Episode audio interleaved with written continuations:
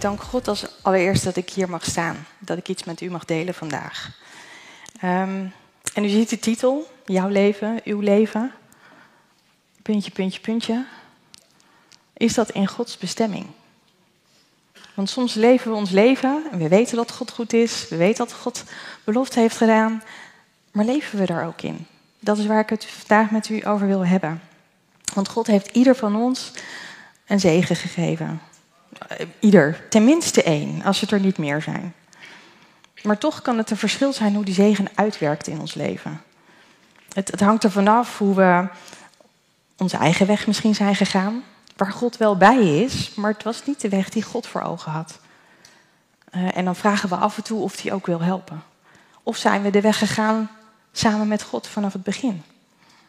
En kom je dan ook echt in de bestemming die God heeft bedoeld voor jouw leven? En luisteren we onderweg naar zijn stem als hij ons bij moet sturen? Die is soms een beetje ingewikkeld. En in de wereld om ons heen, ik weet niet hoe dat bij u is, uh, bij mij in het ziekenhuis is het, uh, je moet wat van jezelf maken en bewijzen en zorg dat je voor jezelf zorgt en zorg dat je beter wordt en ja, eigenlijk ikke, ikke, ikke en de rest kan stikken. Maar dat is niet hoe Jezus het bedoeld heeft. Jezus kijkt om, heeft naaste liefde. Jezus is liefde en heeft vooral ook naaste liefde. En als we kijken naar Jezus is slagen in het leven, niet dat ikke, ikke en de rest kan stikken, maar zonig, zodanig leven dat we in Gods wil staan, zoals Hij dat ook heeft gedaan. Hij is tot het uiterste gegaan, zodat wij het niet hoeven te doen. Maar als we dat doen, dan mogen we straks voor de hemelpoort staan, zoals dat heet, en binnengaan in het nieuwe Jeruzalem. Dat is het einddoel. En niet die vette bankrekening of die mooie Porsche of dat giga-huis. Dat is leuk hoor, maar het werkt niet in de eeuwigheid. En wat kunnen wij doen zolang we hier zijn om te bouwen aan Gods kerk, aan zijn lichaam? Ja, dit is allemaal een beetje abstract. En ja, dan, hoe dan? Ja, ik kreeg een voorbeeld ergens ver terug uit de Bijbel, uit Genesis. Jacob. En eigenlijk ook zijn broer Esau. Als je kijkt naar Jacob, zijn naam, uh, die betekent hij die de hiel greep. Hij was er een van de tweeling. Hij was de tweede die kwam. Dus hij had die hiel van zijn broertje beet. Wordt ook wel hielenlichter genoemd. Dat is dan weer niet zo heel positief. Um, en zijn naam betekent, heeft twee betekenissen die heel erg tegenover elkaar staan. Eén is beschermer. Die kende ik eigenlijk niet. De andere kende ik wel, bedrieger. Dat is Jacob. Over Esau, die betekenis, daar wordt niet zo heel veel over um, geschreven. Het wonderlijke is dat Jacob en Esau zijn een wonder van God. Ik weet niet of u het wist, maar ik zat het nog een keer door te lezen en Rebecca kon geen kinderen krijgen. Maar God liet zich verbidden en toen kwam er een dubbele zegen, een tweeling. Nou was het wel een tweeling die uh, elkaar de tent al uitvocht in de buik van hun moeder. Uh, dat staat zelfs beschreven, dat Rebecca hier flink last van heeft. Maar toch geeft God op dat moment al een belofte voor deze twee. Dat staat in Genesis 25, vers 23. De Heere zei toen tegen haar, er zijn twee volken in uw schoot.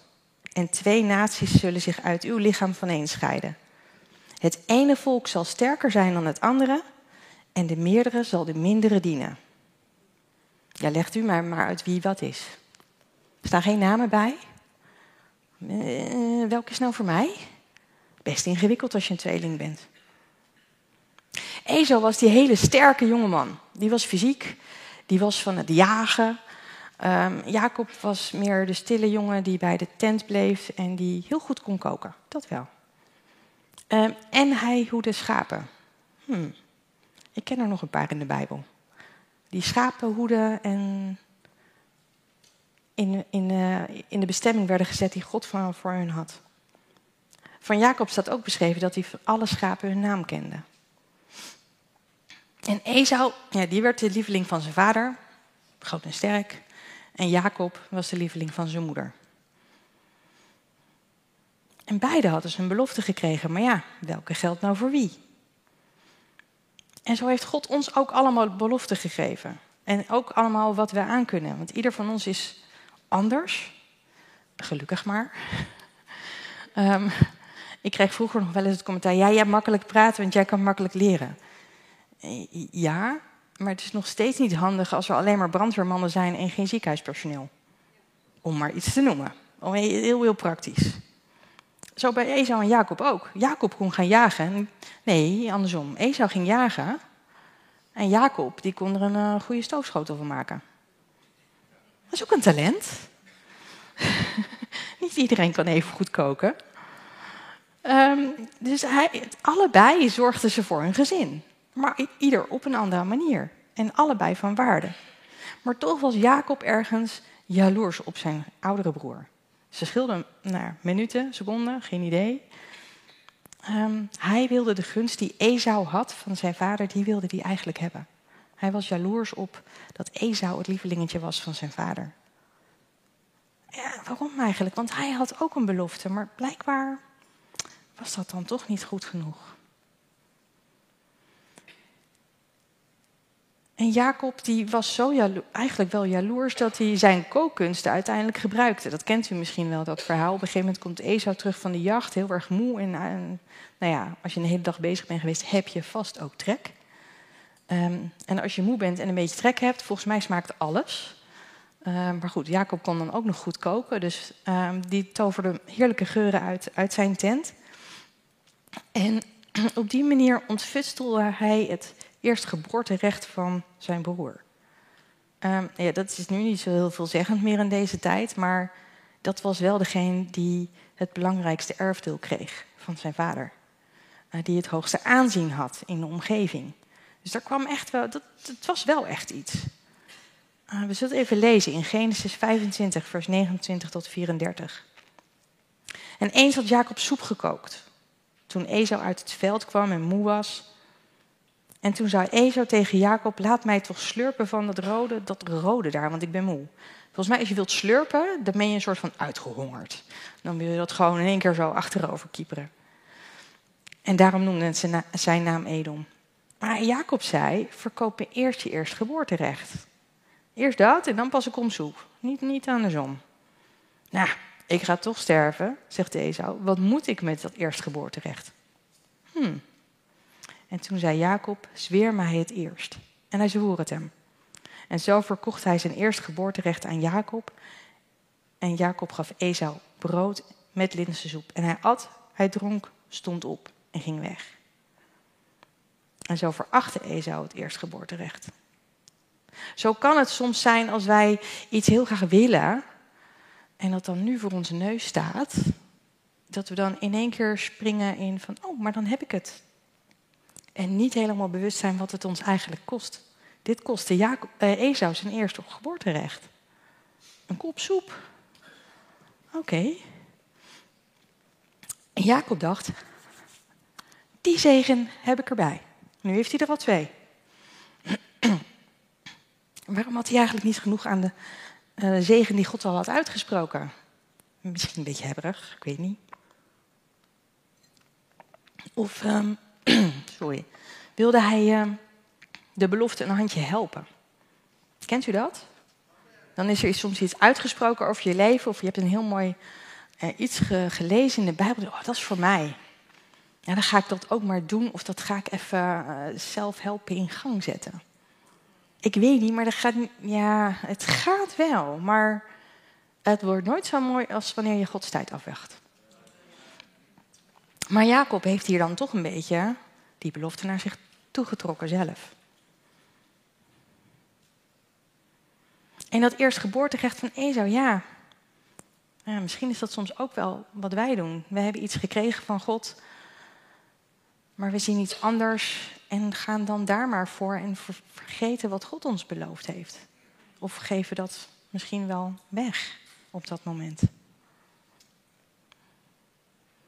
Is lastig om over na te denken, maar soms wel goed om te bedenken: wat heeft God nou werkelijk voor mijn leven om erbij stil te staan en niet maar gewoon door te gaan met wat je aan het doen bent.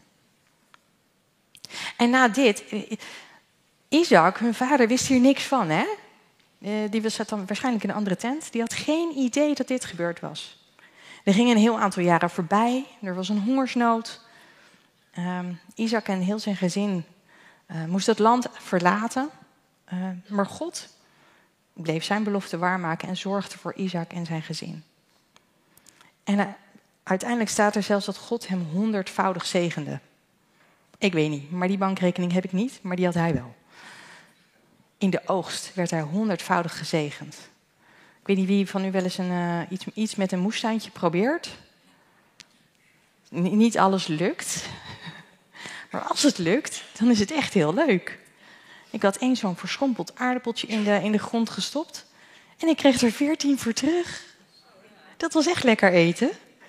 Want eigenlijk zou ik dat aardappeltje wat helemaal zo verschrompeld... en dan een paar van die spiekjes eraan... ja, niks meer eens, niet te eten. Wegwezen. In de grond gestopt. Veertien ervoor terug. En na die hongersnood, met de zegen van God, zei God: Het wordt weer tijd om terug te gaan naar het land wat ik je heb gegeven. Dus het hele gezin ging weer terug. En hij herhaalt dan, God herhaalt dan de belofte die hij deed aan Abraham. Ik ga u zegenen en uw nageslacht talrijk maken. Uh, er is een tweeling. Oké. Zijn opties. Isaac werd oud en dan werd het in die tijd de tijd om de zegen door te geven van vader op zoon. Um, en wat er staat geschreven is dat Esau, Esau werd geroepen omdat Isaac zijn ziel wilde zegenen. Wauw. Dus dat is een zegen voor het diepste van jou. Dat is hoe God ook met ons om wil gaan. En dit keer was het Rebecca die hoorde dat Isaac dit van plan was. En dacht, ja, maar die zegen wil ik voor mijn lieveling. Daar ga ik even de andere kant op sturen. En met een nieuwe list eigenlijk ontfutselde Jacob de zegen die eigenlijk voor Esau was bedoeld. U weet wie dat ging. Hè? Er wordt een heel groot contrast tussen die twee broers beschreven. Esau was eh, de stoere sterke man met eh, zulk behaarde armen. Waarschijnlijk ook zulke spierballen. Um, en, en Jacob die staat als glad. Dus die, die, die had nauwelijks haar. En die rook waarschijnlijk ook anders. Dus wat Jacob deed was de kleren van zijn broer aantrekken een vacht op zijn, uh, op zijn armen doen. Uh, misbruik maken dat zijn vader niet meer echt goed kon zien, want anders dan had hij het wel gezien. Um, en hij kreeg een zegen. Zegen nummer drie, hè? In Genesis 27, Genesis 27, vers 27. Hij kwam dichterbij, Jacob kwam dichterbij en kuste hem. En toen rook hij, Isaac, de geur van zijn kleren en zegende hem.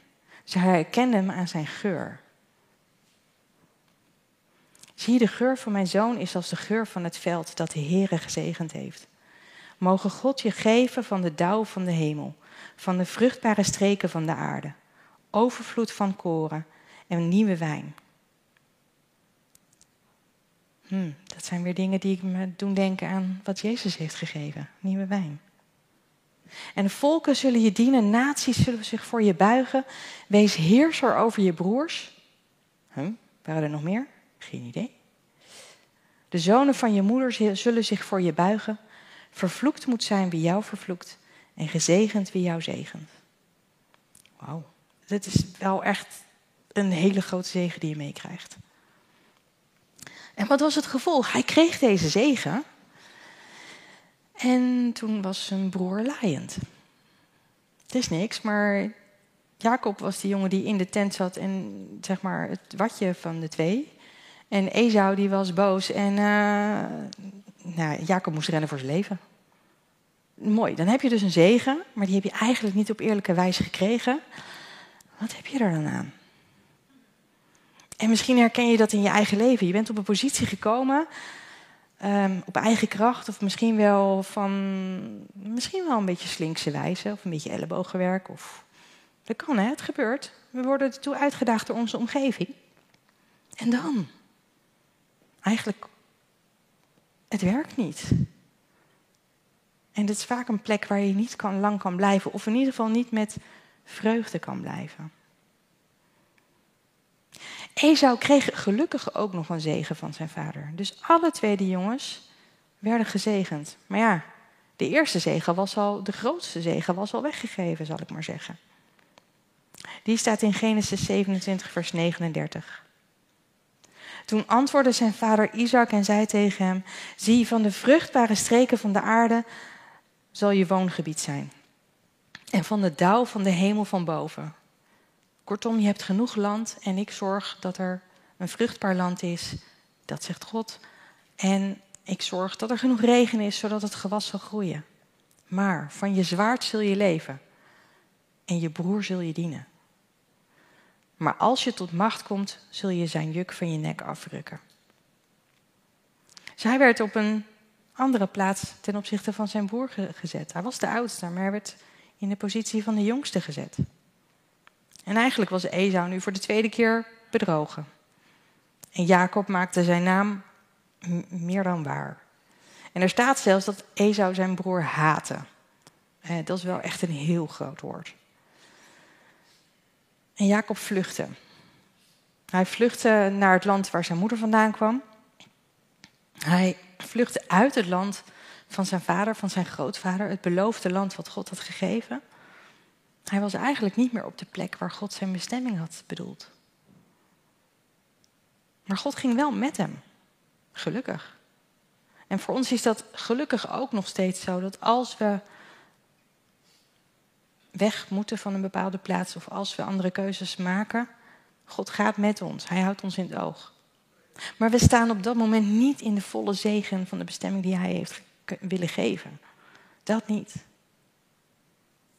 Jacob krijgt nog een, ik ben de tel inmiddels kwijt, een der, vierde zegen. Hij krijgt nog een zegen van zijn vader voordat hij vertrok. Best bijzonder. Ben je net bedrogen door je zoon? Um, en is jouw eigen lievelingszoon ook bedonderd? Ga je toch die zoon die je bedrogen heeft nog een zegen meegeven? Ik weet niet of u het, zou kunnen. Ik zou het heel moeilijk vinden, denk ik. En wat, wat, wat zegt Isaac dan tegen uh, Jacob? Die zegt in Genesis 28, vers 3: En mogen God de Almachtige je zegenen, je vruchtbaar en talrijk maken, zodat je tot een menigte van volken zult worden. Mogen Hij je de zegen van Abraham geven, jou en je nageslacht met je, zodat je het land waar je vreemdeling bent, dat God aan Abraham gegeven heeft, in bezit krijgt. Ergens staat hier ook de belofte, ja, je gaat nu weg, maar je komt terug in dit land. En Jacob vlucht naar zijn oom, u kent het verhaal, hij gaat naar Laban. En uh, als hij onderweg is, dan krijgt hij nog een keer de bevestiging dat God bij hem is. Nummer vijf. Weet u wel, die droom dat hij s'nachts uh, een, ladder naar de hemel ziet, waar de engelen op en neer gaan tot aan de troon van God. En hij hoort echt de stem van God. Ik weet niet hoeveel mensen in de Bijbel beschreven staan die de uh, stem van God hebben gehoord, maar het zijn er niet zo heel veel. Jacob behoorde tot de happy few. In Genesis 28, vers 13 staat er: En zie, de Heere stond bovenaan de ladder. Dus hij moet in ieder geval. Zou hij de voeten van God hebben gezien? Wauw. En hij zei: Ik ben de Heere, de God van uw vader Abraham en de God van Isaac. Dit land waarop u ligt te slapen, zal ik u en uw nageslacht geven. En uw nageslacht zal talrijk zijn als het stof van de aarde. En u zult zich uitbreiden naar het westen naar het oosten, naar het noorden en naar het zuiden. Dat is geen kleine belofte. In u en uw nageslacht zullen alle geslachten van de aardbodem gezegend worden. Hoe dan? En zie, ik ben met u. Ik zal u beschermen overal waar u heen zult gaan. En ik zal u terugbrengen naar dit land. Want ik zal u niet verlaten totdat ik gedaan heb wat ik tot u gesproken heb. Oké. Um, heer, ik ben op de vlucht, maar ik kom hier terug. Maar dat is wel. Kent u dat liedje van vroeger? Ik kan niet meer zingen sinds vorig jaar, maar goed. Um, Gods genade en goedheid, zij volgen mij al de tijd van mijn leven. Dat is deze tekst. Gods genade en goedheid, zij volgen Jacob overal waar hij gaat. En God belooft het. Dus Jacob wordt wel bewust van Gods leiding in zijn leven. Maar ja, een boze broer, ehm, die vast wel vriendjes heeft, die het ook niet met hem eens zijn. Hij moet weg. En wat Jacob dan doet, is een gelofte aan God. En dat is iets anders dan een zegen of een belofte die God, uh, God geeft. Lees maar mee in Genesis 28, vers 20. Jacob legde een gelofte af en zei: Als God met mij zal zijn en mij beschermen zal op deze weg waar ik op ga, en mij brood zal geven om te eten en kleren om aan te trekken, en ik in vrede in het huis van mijn vader zal terugkeren, dan zal de Heer mij tot een God zijn. En deze steen die ik als gedenkteken overeind heb gezet, zal een huis van God zijn. Dat was Bethel. En van alles wat u mij geven zal, zal ik u zeker het tiende deel geven. Wat Jacob hier doet, is uh, onderhandelen met God. Mooi, uh, mooi dat u dat zegt, Heere God, maar ik wil het eerst zien. En dan pas ga ik het geloven. En dan stap ik ook in. Kent u dat? Dat is denk ik ook wel hoe wij als mensen in elkaar zitten. Um, maar de belofte die God doet, de zegen die God geeft, wat God uitspreekt, is een zekerheid. Daar, hoef je, daar zitten geen voorwaarden aan. God is God. En zijn woord is waar. Hij kan niet zijn woord niet waarmaken.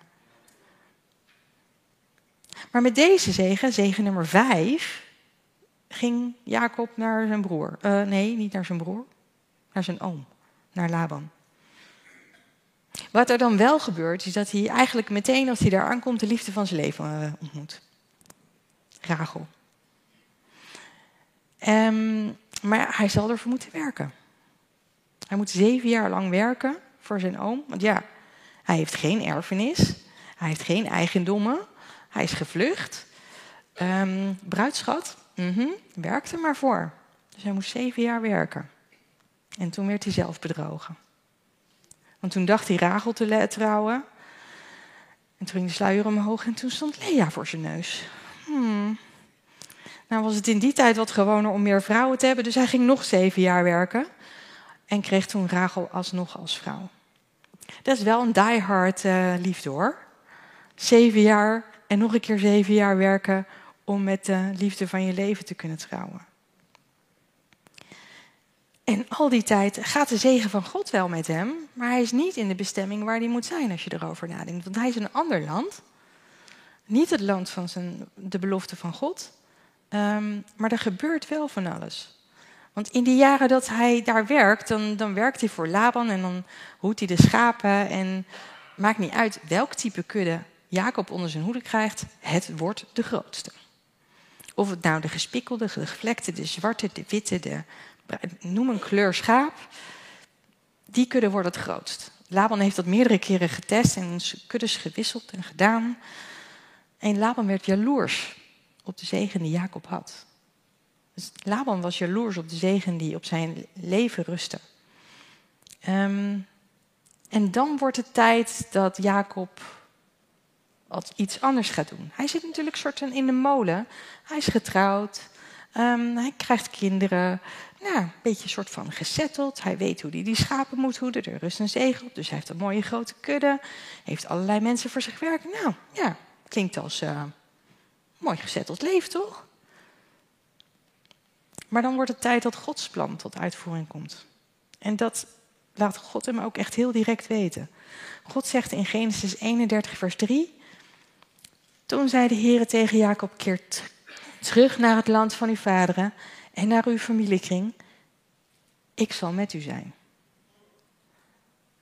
Ik weet niet wat het met u zou doen, maar uiteindelijk is het twintig jaar verstreken dat je je broer woest hebt achtergelaten, je vader hebt bedrogen. Um, wil ik nog terug? hoe langer zoiets duurt, hoe moeilijker het soms ook wordt. Om in zo'n situatie terug te keren, om weer contact te maken met mensen met wie je uh, problemen hebt gemaakt. En eigenlijk, ja, dat heb je zelf gedaan. Maar ja, als God het zegt, kan je er niet heel erg omheen. Um, en het mooiste is, heel kort, God zegt, ik zal met u zijn. Oké, dan samen.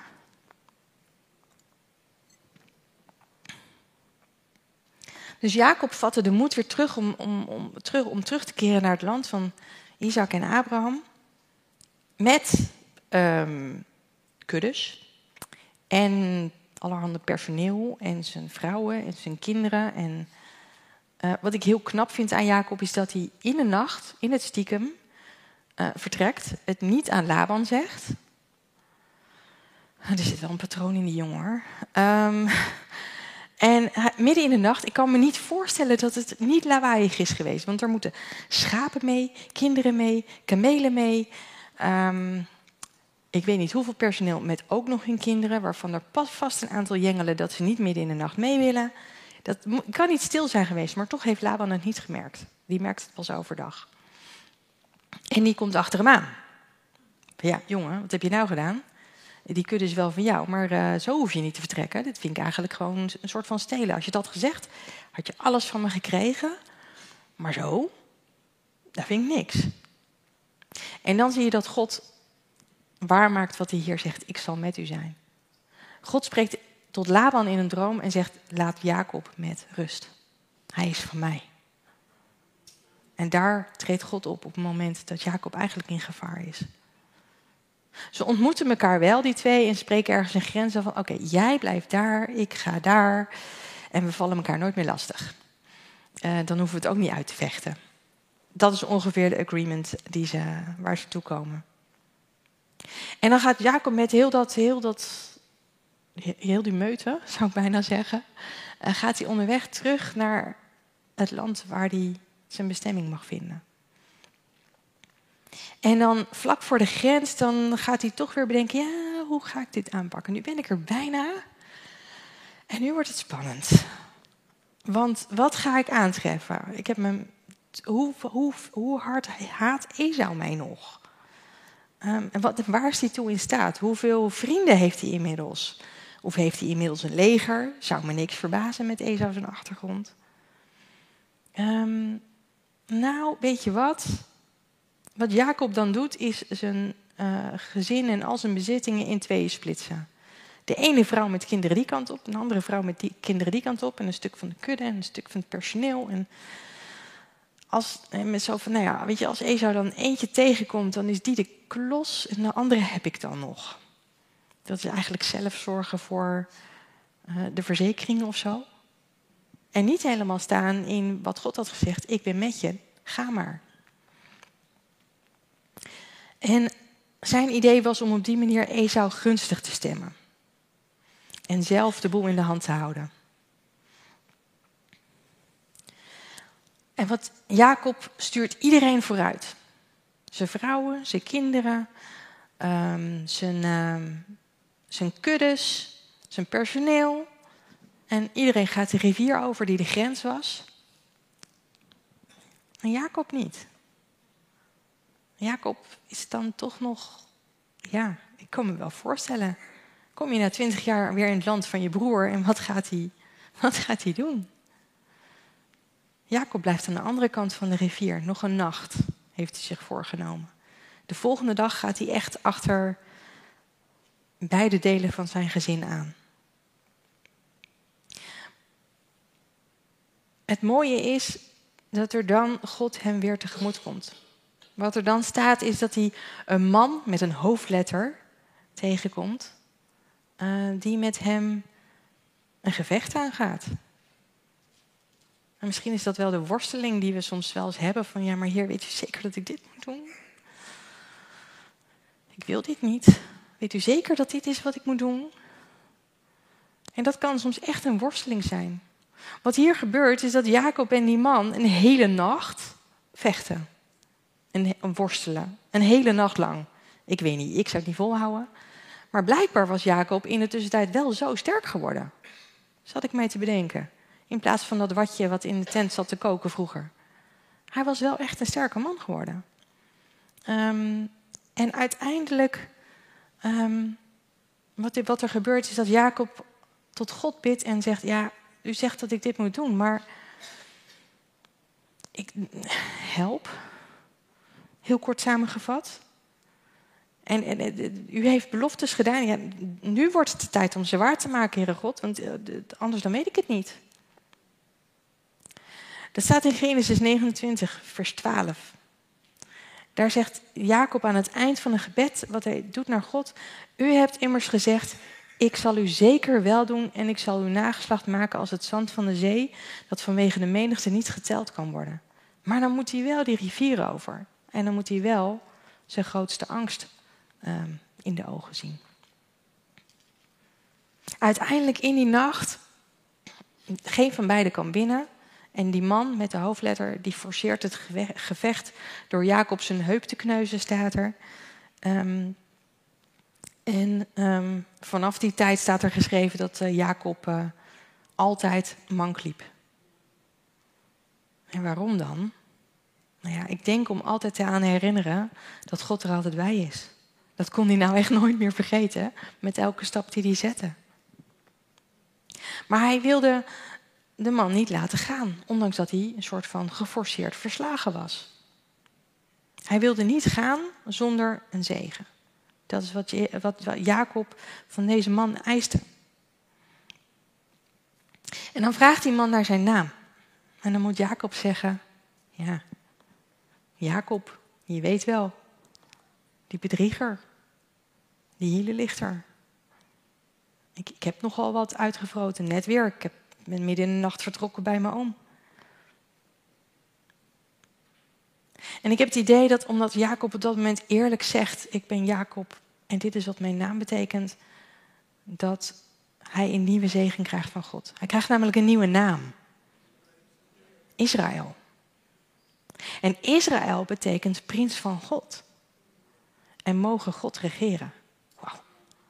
En hij mag met die nieuwe naam de rivier oversteken en het land ingaan. Wat er dan gebeurt met Jacob is dat hij echt verandert in zijn doen en laten.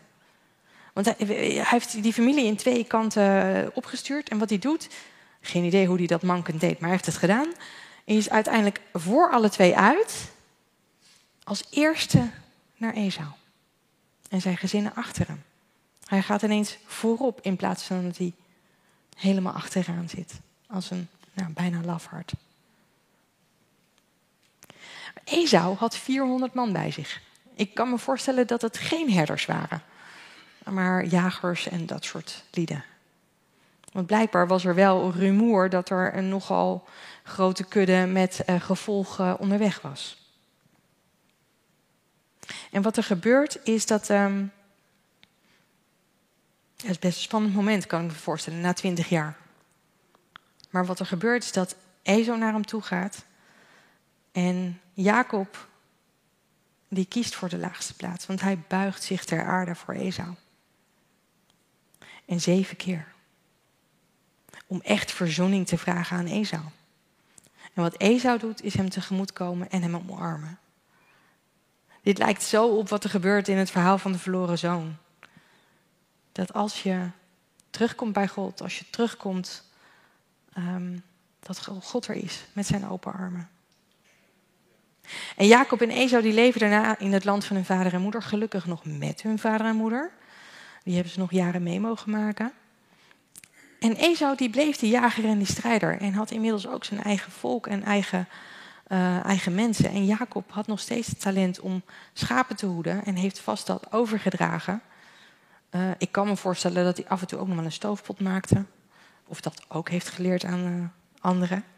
En ze werden beide beschreven als rijke mannen.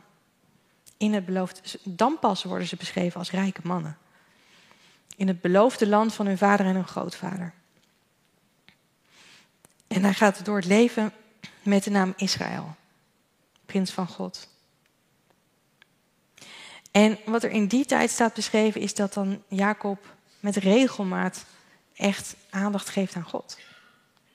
In die tijd daarvoor staat het nooit beschreven, maar dan wel. Jacob gaat regelmatig terug. Dus hij maakt zijn gelofte waar. Die plek waar, u, waar ik u heb gezien in die droom, ik kom om u te eren en ik kom om u te offeren. Gelukkig maar. Anders had hij denk ik een probleempje met God. En voor ons, wat, wat heeft God ons beloofd? Misschien wel bij herhaling, of misschien wel het een op het ander op het volgende. Vijf, zes beloftes van Jacob, alles bij elkaar. Maar leeft u er ook in? Heb je je ervoor ingezet of heb je zelf je route gekozen? Heb je muren opgebouwd, zoals het thema is dit van dit jaar? Ja, maar dit is wat ik kan en uh, ja, dit is wat ik kan. En dit, dit, dit, dit is het. God is groter. God is echt zoveel groter. En die kan zoveel meer, ook door ons heen, wat wij niet eens zouden bedenken. Hij kan het door ons heen. Maar hij kan het niet zolang wij niet die worsteling aan hem aangeven en zeggen: Heer, ik, ja, ik ben ook maar een Jacob, ik doe maar wat. Want wat God dan wil doen, is ons die nieuwe naam geven. Dat we als kinderen van de Allerhoogste mogen zijn en het nieuwe land mogen betreden. En wat God vandaag zegt tegen ieder van ons, het is tijd om terug te keren, of het is tijd om te keren naar het land wat ik je beloofd heb. Niet meer twijfelen, maar neem de stap. Ik heb je een nieuwe naam gegeven. Je bent kind van mij. Daarom vond ik het ook zo mooi dat het laatste nummer van, uh, van de setlist van morgen was: uh, uh, Ik ben een kind van God. In u weet ik wie ik ben. Het was het lied wat ik voor nu had uitgekozen. Maar zo zie je hoe God dingen leidt. Want we zijn een kind van de aller, allerhoogste. Maar we leven er niet altijd naar. En het is makkelijk hè, op zondag dan, ja dat neem ik me voor. En dan komt maandag. Heer, ik wil met mijn nieuwe naam gaan leven. En ik wil staan in die nieuwe naam. Ongeacht wat ik tegenkom. En als je denkt, ja, maar dit was Jacob, hè, dat was Genesis. Dat is heel lang geleden. Of als u niet een heel duidelijk beeld of belofte heeft die u wel eens heeft gekregen voor uw eigen leven. Weet dan in ieder geval dit. In Jesaja 43 vers 7 staat. Ieder die genoemd is naar mijn naam, die heb ik tot mijn eer geschapen. Die heb ik geformeerd. Ja, die heb ik gemaakt. Dat is wat God tegen u en mij zegt. En dat is niet niks. En zeg niet, nee, dat is niet voor mij. Jawel, ieder. Ieder die genoemd is naar mijn naam.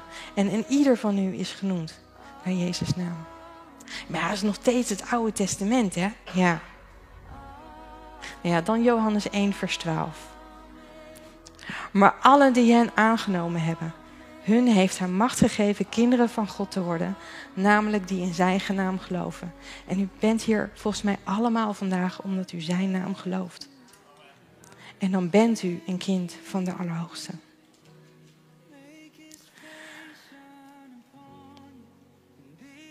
God heeft u die nieuwe naam gegeven. God heeft mij die nieuwe naam gegeven. En ik wil u vragen om tot God te komen en te vragen: Heer, ik wil die zegen over mijn leven en ik wil instappen. En het is misschien iets wat ik niet gewend ben. Ik sta hier voor de eerste keer. Het is niet echt iets wat ik gewend ben. Maar als Hij roept en als Hij zegt: Maar jij kan dit. Als Hij zegt: Ja, maar broeder, u kunt uh, piano spelen, dan kan je dat. Met Hem. Als, als, als, uh, als God zegt, zuster, maar u kunt in de crash zorgen voor de kinderen, want daar heeft u echt talent voor en geduld voor. Samen met Hem kan u het. Dus bid God om wat Hij met uw leven van plan is. En niet alleen maar hier gewoon te zitten, maar te bouwen aan zijn koninkrijk. Want het is, het is een levend lichaam waar we allemaal een deel van mogen, eh, mogen doen. Maar ieder maakt zijn reis. En ik wil niet zeggen dat alles flits, flits, uh, gedaan is. Hè. Bij, bij Jacob duurde dit uh, ehm, 60 jaar. Nou, zo lang hoeven we er dan ook niet over te doen. Hè? Maar eh, het hoeft niet allemaal niet, niet en nu. Maar als je niet instapt, ja, dan ga je ook de zegen niet meemaken dan ga je ook niet meemaken dan dat mensen zeggen: Ja, maar degene die daar gaat, weet je, die is zo gezegend. En hoe komt dat? Omdat hij samen met God gaat. Dat moet de getuigenis van uw leven zijn. Ik wil um, vragen of het lied zo wordt opgezet. En dat is um, de blessing. En ik wil uh, vragen of u het echt met uw hart wil uitzingen als een gebed. Dat de zegen die God heeft gegeven voor u geldt en voor de generaties die na u komen. Want Hij heeft u een nieuwe naam gegeven. Amen.